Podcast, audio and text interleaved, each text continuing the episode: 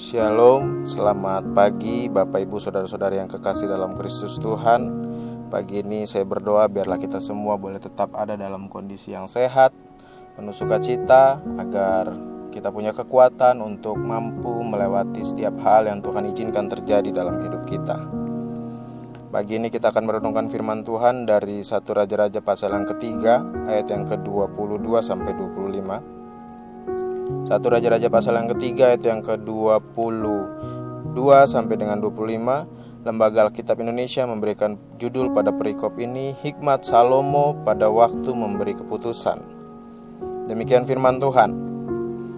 Kata perempuan yang lain itu Bukan anakku lah yang hidup dan anakmu lah yang mati. Tetapi perempuan yang ber pertama berkata pula Bukan anakmu lah yang mati dan anakku lah yang hidup Begitulah mereka bertengkar di depan raja. Lalu berkatalah raja, yang seorang berkata, anakku lah yang hidup ini dan anakmu lah yang mati. Yang lain berkata, bukan anakmu lah yang mati dan anakku lah yang hidup. Sesudah, sesudah itu raja berkata, ambilkan aku pedang. Lalu dibawalah pedang ke depan raja. Dan kata raja, penggalah anak yang hidup itu menjadi dua Berikanlah setengah kepada yang satu dan setengah lagi kepada yang lain.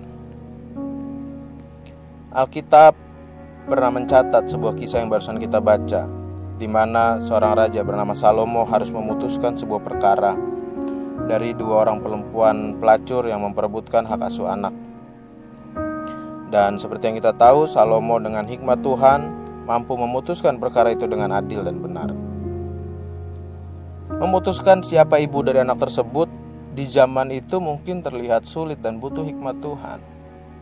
Tapi jika itu terjadi di zaman sekarang tentu bukan sebuah perkara yang sulit. Kedua ibu dan anak tinggal dibawa ke lab untuk menjalani tes DNA untuk membuktikan siapa ibu yang sesungguhnya dari anak itu. DNA atau deoxynitrolic acid adalah bahan penyusun utama dari setiap makhluk hidup yang menyimpan blueprint dari organisme tersebut. DNA biasanya dipakai untuk informasi forensik ketika tubuh sulit dikenali, misalnya dalam kasus tabrakan atau kecelakaan, kebakaran di mana jenazah tidak bisa lagi dikenali. Sehingga DNA berfungsi sebagai informasi genetika. Menurut Kenneth Miller, seorang biologis molekular, dan sel, DNA kita menyimpan cerita evolusi. Ternyata DNA tidak hanya berguna untuk melihat identitas seseorang saja atau siapa orang tua kandung dari anak tersebut. Tapi pola-pola DNA, pola-pola genom yang tersimpan dalam DNA ternyata menyimpan catatan hingga 180.000 tahun lalu. Seorang peneliti genetika bernama Herawati Sudoyo pernah mencoba mengirimkan sampel DNA-nya ke Amerika untuk diteliti lebih lanjut.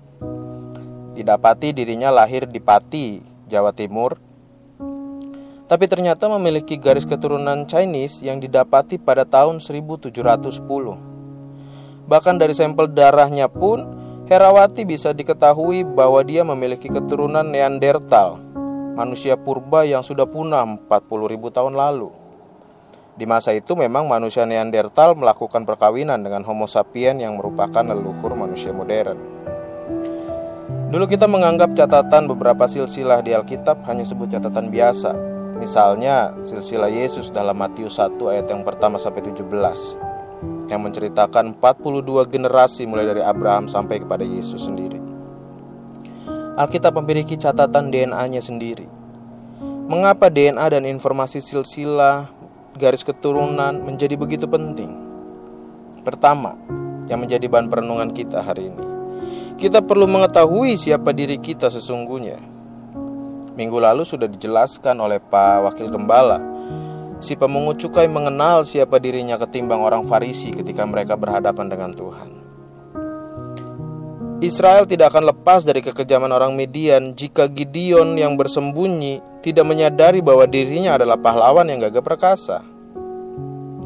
Musa tidak akan pernah menjadi tour guide dengan rute terpanjang dan rombongan terbesar sepanjang sejarah manusia jika hanya menganggap dirinya seorang yang gagap bicara. Begitu juga dengan banyak tokoh-tokoh lain di Alkitab.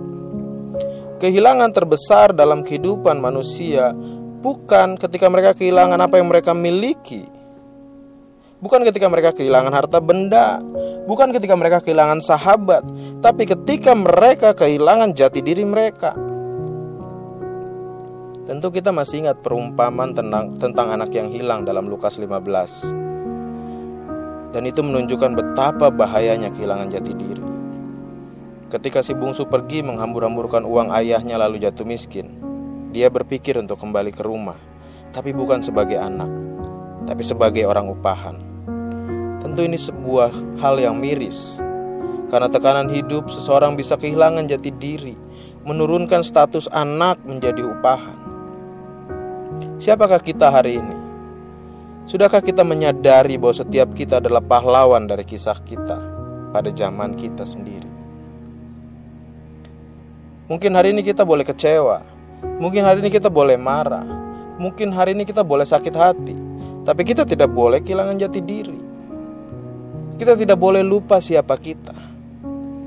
DNA mampu mengungkapkan siapa kita dan latar belakang generasi di atas kita sesuatu yang tidak bisa kita ubah. Tapi kita mampu membuat perubahan pada DNA generasi setelah kita. Sehingga di masa depan nanti ada catatan bahwa generasi-generasi di bawah kita memiliki kita, keturunan pahlawan yang membuat perubahan pada zamannya. Saya akan menutup renungan ini dengan sebuah kutipan dari Yoel 3 ayat 10. Tempalah mata bajakmu menjadi pedang, dan pisau-pisau pemangkasmu menjadi tombak. Baiklah orang yang tidak berdaya berkata, Aku ini pahlawan. Selamat pagi, selamat berjuang para pahlawan.